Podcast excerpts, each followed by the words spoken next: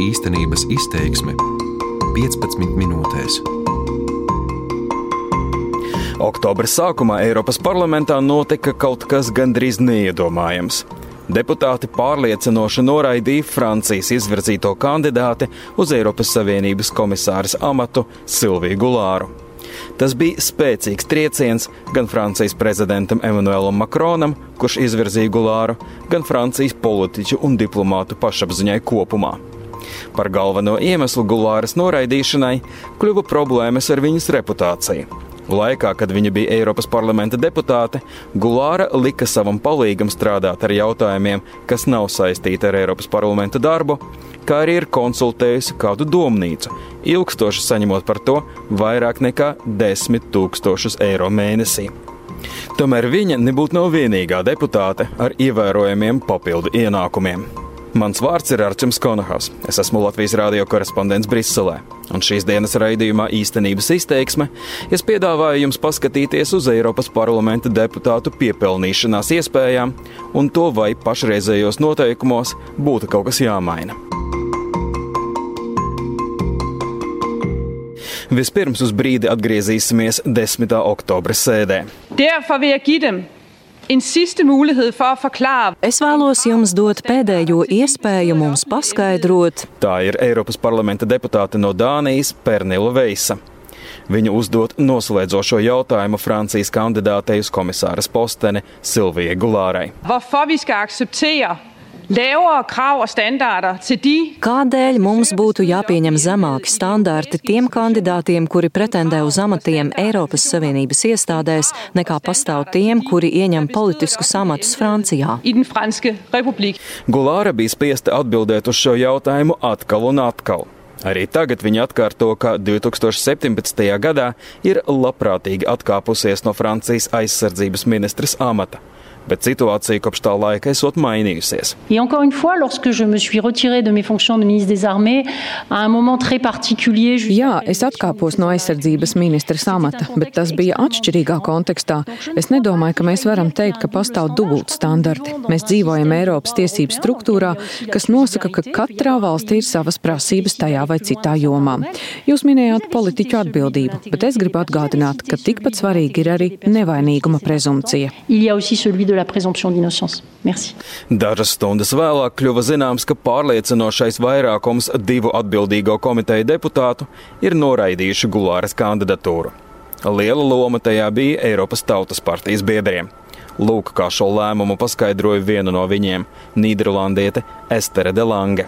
And what it boils down to in the end is the fact that Sylvie Goulart was not able Problēmas būtība ir tajā, ka Silvija Gulāra nespēja pārliecinoši atbildēt uz vienu būtisku jautājumu, proti par dubultstandartiem. Kā var gadīties, ka viņas reputācija neļāva vairs pildīt Francijas ministras pienākumus, bet tā ir pietiekami tīra, lai būtu par Eiropas Savienības komisāri? a European commissioner. Te jāsaka, ka daudzi Briseles gaitiņos ir pārliecināti, ka patiesie Gulāras noraidīšanas iemesli drīzāk ir saistīti ar Eiropas Tautas partijas līdera Manfreda Webera alkam pēc atriebības Francijas prezidenta, kurš nominēja Gulāru. Tomēr ir vērts paskatīties arī pēc būtības uz vienu no galvenajiem pārmetumiem pret Gulāru. Proti, kā un cik papildu darbos var nopelnīt Eiropas parlamenta deputāti, un vai tas ir ētiski. So, hello, my name is uh, Rafael Kergino. I'm a policy officer at. Uh, Rafaels Kergueno ir analītiķis nevalstiskās organizācijas Transparency International Briseles birojā.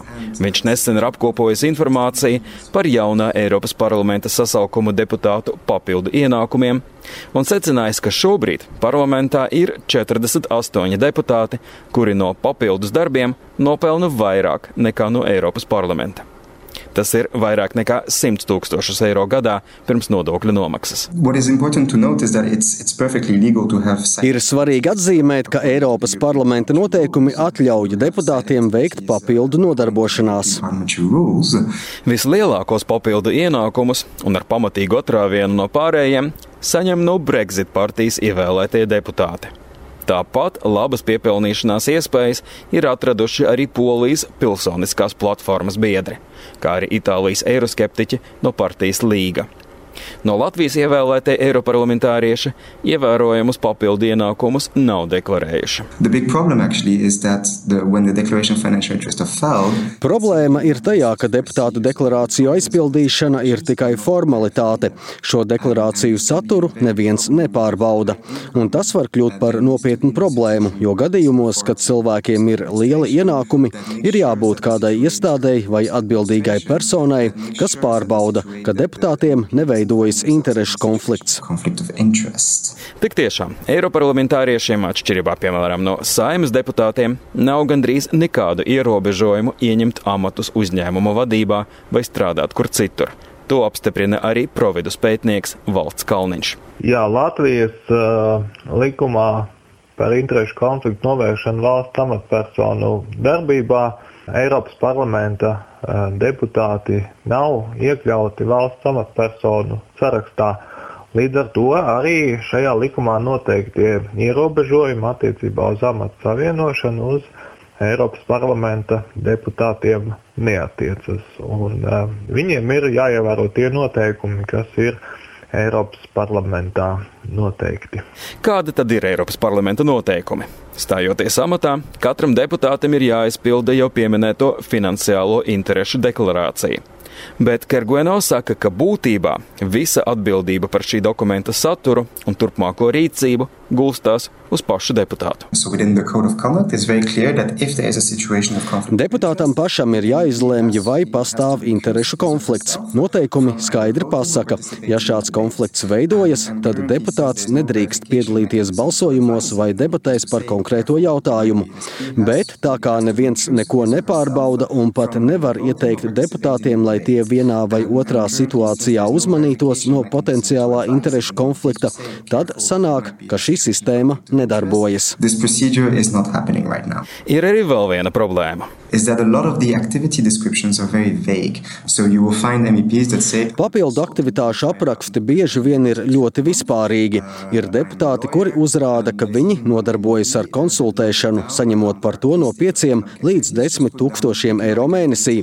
Ir advokāti, bet viens deputāts sadaļā, kur jāuzrāda papildu nodarbošanās, vienkārši ierakstīja vārdus papildus nodarbošanās ar ienākumiem no 5 līdz 10 tūkstošiem. Un šādos gadījumos nav iespējams pārbaudīt, no kurienes nāk nauda. Advokātam var būt dažādi klienti. Konsultants var sniegt padomus lobēšanas organizācijām, kas darbojas šī deputāta pāraudzītajā jomā. Un frāze papildu nodarbošanās vispār neko neizsaka. Transparency International uzskata, ka situācija palīdzētu uzlabot neatkarīgas ētikas iestādes izveide, kas pārbaudītu deputātu iesniegtās finanšu deklarācijas un varētu arī sodīt pārkāpējus. Iepriekšējā sasaukumā ir bijuši 24 gadījumi, kad deputāti ir pārkāpuši noteikumus interešu konflikta jomā. Tomēr neviens no viņiem netika sodīts, jo lēmuma pieņemšana šobrīd ir atstāta Eiropas parlamenta priekšsēdētāja ziņā. Oktobrī par interešu konfliktiem notika debates arī Eiropas parlamenta plenārsēžu zālē. Tajos valdīja atšķirīgi viedokļi kreiso grupas līdzpriekšsēdētāja Monona Ubrī no Francijas iestājas par neatkarīgas ētikas padomes izveidi. Permettons aussi également à cette commission d'évaluer des cas comme celui de Sylvie Goulard. Dosim iespēju izvērtēt tādus gadījumus kā Silvijas Gulāras, kura saņēma vairāk nekā 10 tūkstošus mēnesī no amerikāņu nodibinājuma. Un kā pieņemt to, ka vairāk nekā trešdaļa deputātu saņem papildus tūkstošiem eiro un vairāk kalpo privātajām interesēm, nevis vēlētājiem. Uzticība ir grauta, un mums tā ir jāatjauno.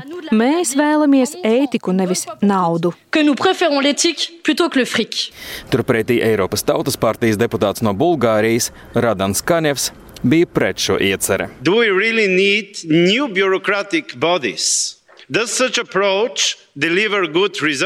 Vai mums patiešām ir vajadzīga jauna birokrātiskā iestāde, vai šāda pieeja sniedz labus rezultātus? Diemžēl mana atbilde ir nē, tā nesniedz. Tas, kas mums patiešām būtu vajadzīgs, ir pienācīgi esošo noteikumu īstenošana dzīvē, interešu konflikta novēršanas un korupcijas jomā. Tas, kas mums patiesi ir vajadzīgs, ir bargas un efektīvas sankcijas gadījumos, kad pašreizējie noteikumi tiek pārkāpti. Kas mums patiešām ir vajadzīgs, ir labi strādājoša Eiropas prokuratūra un Eiropas tieslietu sistēma. Savukārt sociāldemokrāts no Vācijas Tīmo Velkens iestājās par vienādiem noteikumiem visām Eiropas Savienības iestādēm. Was ist der höchste Wert, den wir als Politikerinnen und Politiker haben? Kas ir augstākā vērtība, ko mēs kā politiķi varam teikt, ka mums tā ir? Tā ir uzticēšanās no Eiropas Savienības iedzīvotāju puses mūsu institūcijām. Uzticēšanās, ka mēs šeit lemsim pēc labākās sirdsapziņas, nevis pēc interešu konflikta. Tāpēc ir ārkārtīgi svarīgi, lai visām Eiropas Savienības iestādēm būtu vienādas normas. Nevar būt tā, ka mums ir atšķirīgi rīcības kodeksi un atšķirīgs caurskatāmības līmenis. Bet ir arī tie, kuri domā, ka ir jāspēr vēl radikālākus soļus. Well, the, the Mēs piedāvājam ierobežot deputātu papildu ienākumus līdz 15% no tās summas, ko deputāti saņem no nodokļu maksātājiem. Manuprāt, ja deputāti papildu darbos nopelna pārāk daudz, tad veidojas liels interešu konflikta risks, proti, ka viņi strādā nevis iedzīvotāju, bet gan kādu uzņēmumu vai interešu grupu vārdā. Tas ir zaļās grupas deputāts no Vācijas Daniels Freins. Viņš uzskata, ka ienākumu apmēra, nevis nodarbošanās veidu ierobežošana būtu veiksmīgākais risinājums. Or... Tas neskar ienākumus no kapitāla daļām, īres vai autora atlīdzībām. Piemēram, nav nekādu problēmu, ja kāds uzraksta ļoti veiksmīgu grāmatu un saņem no tās ienākumus. Mēs gribam izvairīties no tā, ka deputātam ir pastāvīga papildu darba vieta, kas nes ienākumus. Tāpat Turklāt Freins uzskata, ka deputāti nedrīkst saņemt naudu par uzstāšanos konferencēs. Es uzskatu, ka tā ir daļa no viņu pamatpienākumiem, par kuriem jau maksā Eiropas nodokļu maksātāji. Ir pieņemami, ja kāds nosedz deputātam ceļa izdevumus uz konferences norises vietu un viesnīcas numuriņu, ja pasākums notiek vakarā, bet neviens nedrīkstētu maksāt par uzstāšanos kā tādu. Runāt par savu darbu ir daļa no deputāta pienākumiem. Tomēr pagaidām šī deputāta iesniegtā iecerē nav guvusi plašu atsaucību. Well, Pašlaik daži desmiti deputātu ir parakstījuši šo priekšlikumu, bet ir skaidrs, ka mēs vēl neesam tuvu vairākumam. Tas parāda, ka daži no deputātiem, kuri kritizēja Gulāru, nebūtu nav tik entuziasma pilni, kad runa ir par noteikumu maiņu, kas skars viņus. Līdz Līdzīgu kritiku par pašreizējās sistēmas nepilnībām pauž arī Eiropas revīzijas palāta. Šogad veiktajā pārbaudē revidenti ir secinājuši, ka pret Eiropas parlamenta deputātiem tiek izvirzītas krietni vājākas prasības nekā pret Eiropas Savienības komisāriem vai pret Eiropadomes vadītāju. Arī revīzijas palāta norāda, ka deputātu finanšu deklarācijas saturs netiek pārbaudīts pēc būtības. Tādēļ nesot iespējams laicīgi un pienācīgi novērtēt interešu konflikta riskus. Tāpat deputātiem nav liekts jau nākamajā dienā pēc mandāta nolikšanas uzsākt darbu kādā lobēšanas kantorī. Līdz ar to pastāv risks, ka šīs iestādes var piesolīt deputātiem ienesīgus amatus pēc politiskās karjeras, apmaiņā pret atbalstu viena vai otra likuma pieņemšanā. Var secināt, ka pašreiz spēkā esošie Eiropas parlamenta noteikumi neliedz deputātiem gūt papildu ienākumus. Vairāki no viņiem arī izvēlās to darīt. Gandrīz vienīgais šobrīd spēkā esošais ierobežojums ir, ka deputāti nedrīkst vienlaikus būt par lobbystiem, proti saņemt naudu no kādām interešu grupām par viņu ideju iedzīvināšanu likumos. Turpretī saimnes deputātiem Latvijā ir noteikti krietni bargāki ierobežojumi. Pašlaik nešķiet, ka Eiropas parlamenta deputātu vairākums būtu gatavi domāt par ko līdzīgu. Tomēr neatkarīgās ētikas iestādes izveide, kas uzraudzītu deputātu darbu, ir visai ticams solis. To atbalsta vairākas politiskās grupas, kā arī Francijas prezidents Makrons. Šīs dienas raidījums īstenības izteiksme ir tapis Briselē un Strasbūrā. To sagatavoja Arčuns Konahaus. Par labskanību rūpējās Renāšs Steimanis. Īstenības izteiksme 15 minūtēs.